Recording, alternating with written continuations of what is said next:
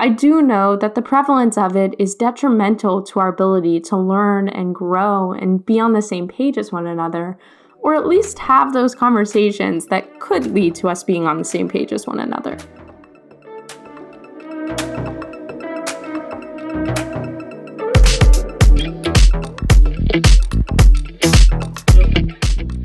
Everybody. Welcome back to Chapel Phil. My name is Brennan Maynard, and I'm a senior fellow here at the UNC Parr Center for Ethics.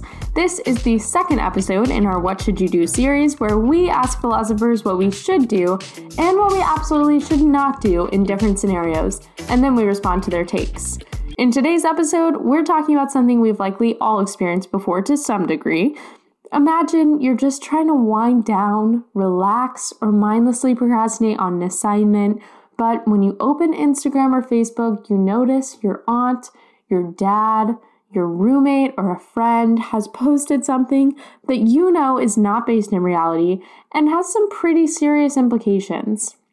In other words, you see some fake news. At the risk of making Thanksgiving really awkward, you could lash out at them or unfollow them. And at the risk of more and more people seeing and sharing, you could just angrily scroll past it and forget you saw anything at all. So let's see what philosophers had to say about this one. I think it depends a bit on the person who made the post. Given what we know about polarization, if you challenge a true believer's post in the comments, in all likelihood, you'll just make them defensive and further entrenched in their views. Even if you're just challenging a simple matter of fact. And while I can't say I've always lived up to this policy, I more and more think it's the best not to engage with such people. You're just going to make things worse. If you know the person is open to correction or challenge, then go ahead and engage. I think that if you want to engage with a true believer, then you should do it in person. People don't engage our sympathetic or empathetic responses nearly as much online compared to in person. These are the responses that make debates less aggressive and more constructive. It's harder to get away with denying demonstrable fact when you have to look someone in the eye. Oh, and I should also note that I don't think there's much value in offering corrections and challenges just for the sake of it. If you know that what you're saying is unlikely to get any uptake from those whose views you are correcting or challenging, then you're most likely just grandstanding, even if you don't take yourself to be grandstanding. All right, so I think on the whole, I agree. I think it's super important to consider why you're engaging in a post if you choose to engage. I know from personal experience, I absolutely hate DMing people whenever I see that they've had fake news or just really anything that I disagree with. It's just the most annoying thing that I could possibly partake in because it's just this frustrating back and forth that's exactly like talking to a wall. And it's all the more frustrating because they feel the exact same way. They think that my views are based in falsehoods and are damaging, and I think the same about them, and neither of us are really willing to budge. So, even if I'm doing this little DM fact checking debate with a person I interact with often, and maybe even a person I like a lot when I interact with them, they become so far removed from their positive attributes they just become wrong. And is this a good thing? Probably not, but it still happens. I do think talking in person helps to keep all the nuances of a person intact. It's much harder for that person to kind of become their argument when I'm looking at their face.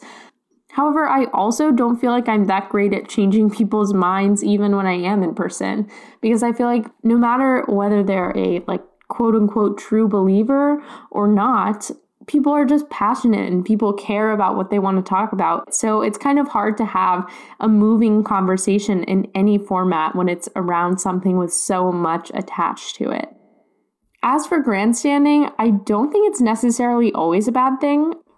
I think if enough people comment on a post, people who are undecided or maybe hearing this information for the first time are going to be more likely to know that there's a dispute about it and take it upon themselves to look it up. I know this happens to me a lot. So if there's something that I'm just now hearing for the first time and my knee jerk reaction is to be invested, be mad, be passionate about this thing that I'm hearing But I go to the comments and I see that there are some factual debates about what's actually going on.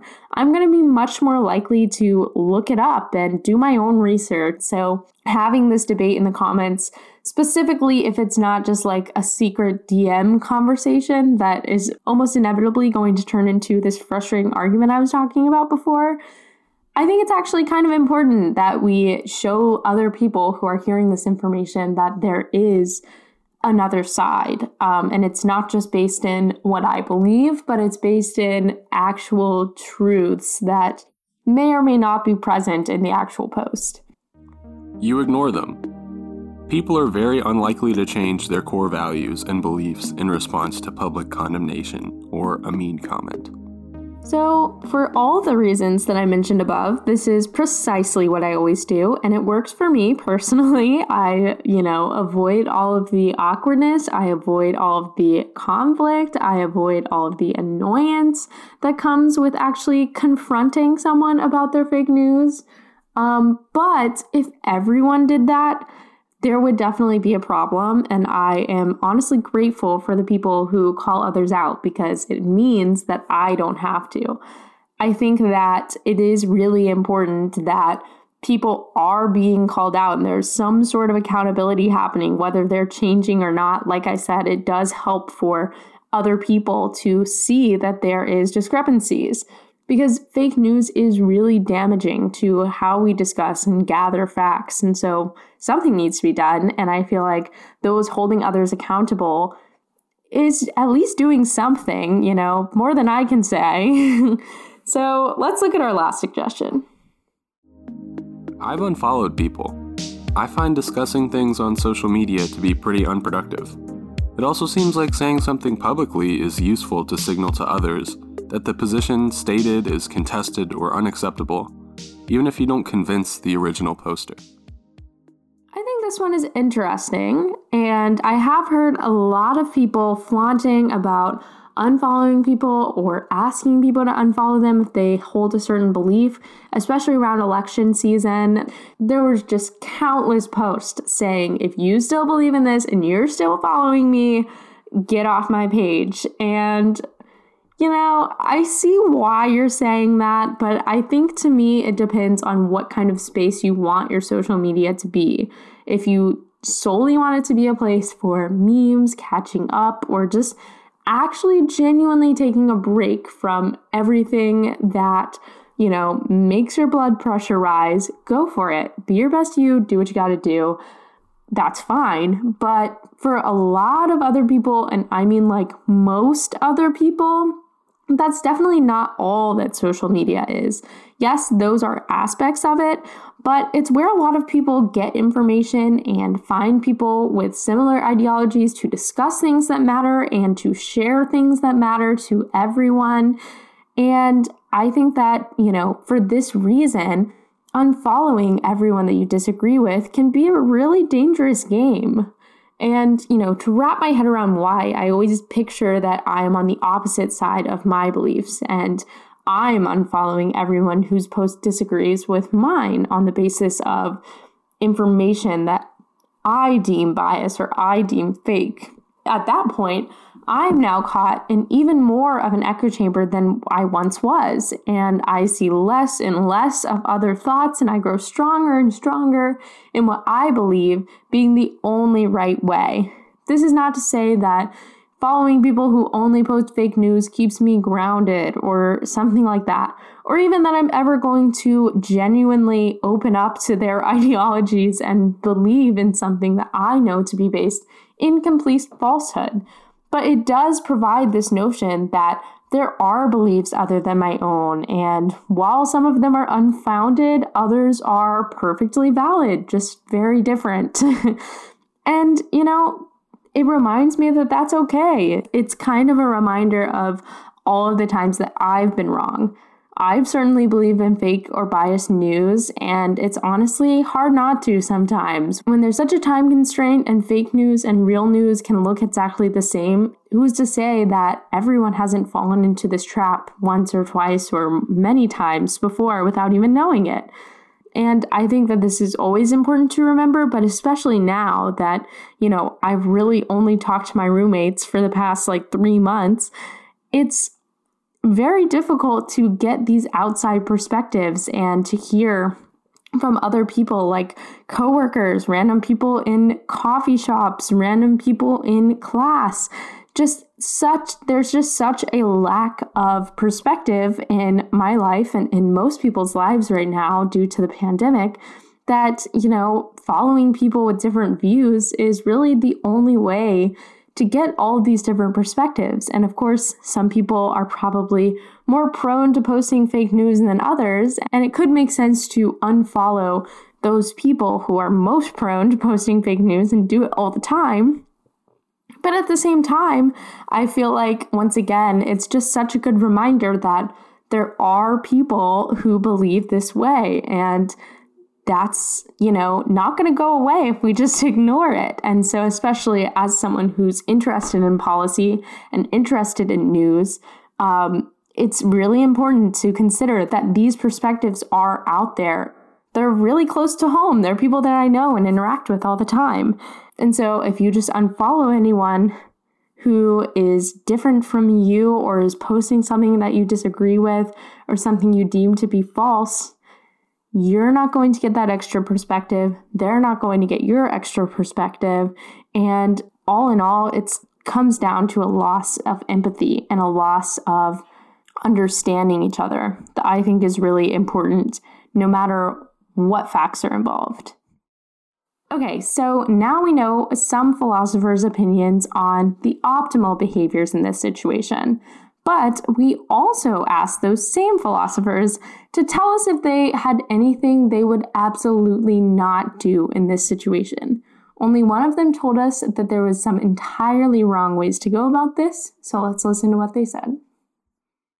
Probably some of the most counterproductive things that one could do in these situations is to gloat, to act superior, to call people stupid, to imply that people are stupid, or to express bewilderment that anyone could hold such a view, or implying that anyone who holds such a view must be a bad person, something of that sort. Also, positively reacting to comments that do just these same things, also toxic. It may be true that any of these could be a fitting response to the expression of certain views if it weren't for two things. First, you're just going to entrench their views even further. And second, we shouldn't underestimate the corrupting influences that a diseased information environment has had on the way that people view and process information. Most people are victims of this environment, and we shouldn't forget that.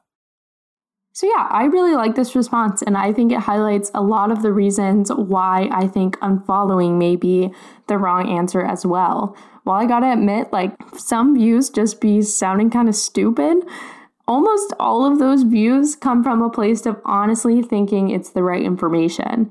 Everyone thinks they're smarter than their own confirmation bias, but the truth is, going deep into a rabbit hole of information that confirms our beliefs, especially when statistics and research are by nature just dependent on so many factors that lead to varying results, it's really easy for even the smartest people to do. And so I think we shouldn't just let people off the hook and let people's just completely false beliefs run wild, but at the same time, you know, being incredibly mean and chastising them is only going to make them feel even more ostracized, which is probably part of the reason why they believe what they believe in the first place. And so I think that it's important to at least consider, you know, if you are going to approach someone, to approach them with respect and to approach them as if you are in their shoes. Because once again, you probably have been at one point or another. There should be some accountability, but being really mean is not the right way to go about it. I'm not sure if even after thinking about these responses, I know the most ethical and proper way to respond to fake news, but I do know that the prevalence of it is detrimental to our ability to learn and grow and be on the same page as one another, or at least have those conversations that could lead to us being on the same page as one another. I think it's really vital that we do find a way to start having productive conversations that allow us to approach the issue with fresh eyes and solutions. Because if we continually base more and more of our policies and our votes and our ideologies on falsehoods, it's definitely not going to be the greatest outcome. So I hope this episode has at least prompted you to kind of start thinking of those solutions and start thinking of the best way to respond to fake news. There's lots of options to choose from and some seemingly intense consequences on the horizon. This has been Chapel Phil. Thanks for listening.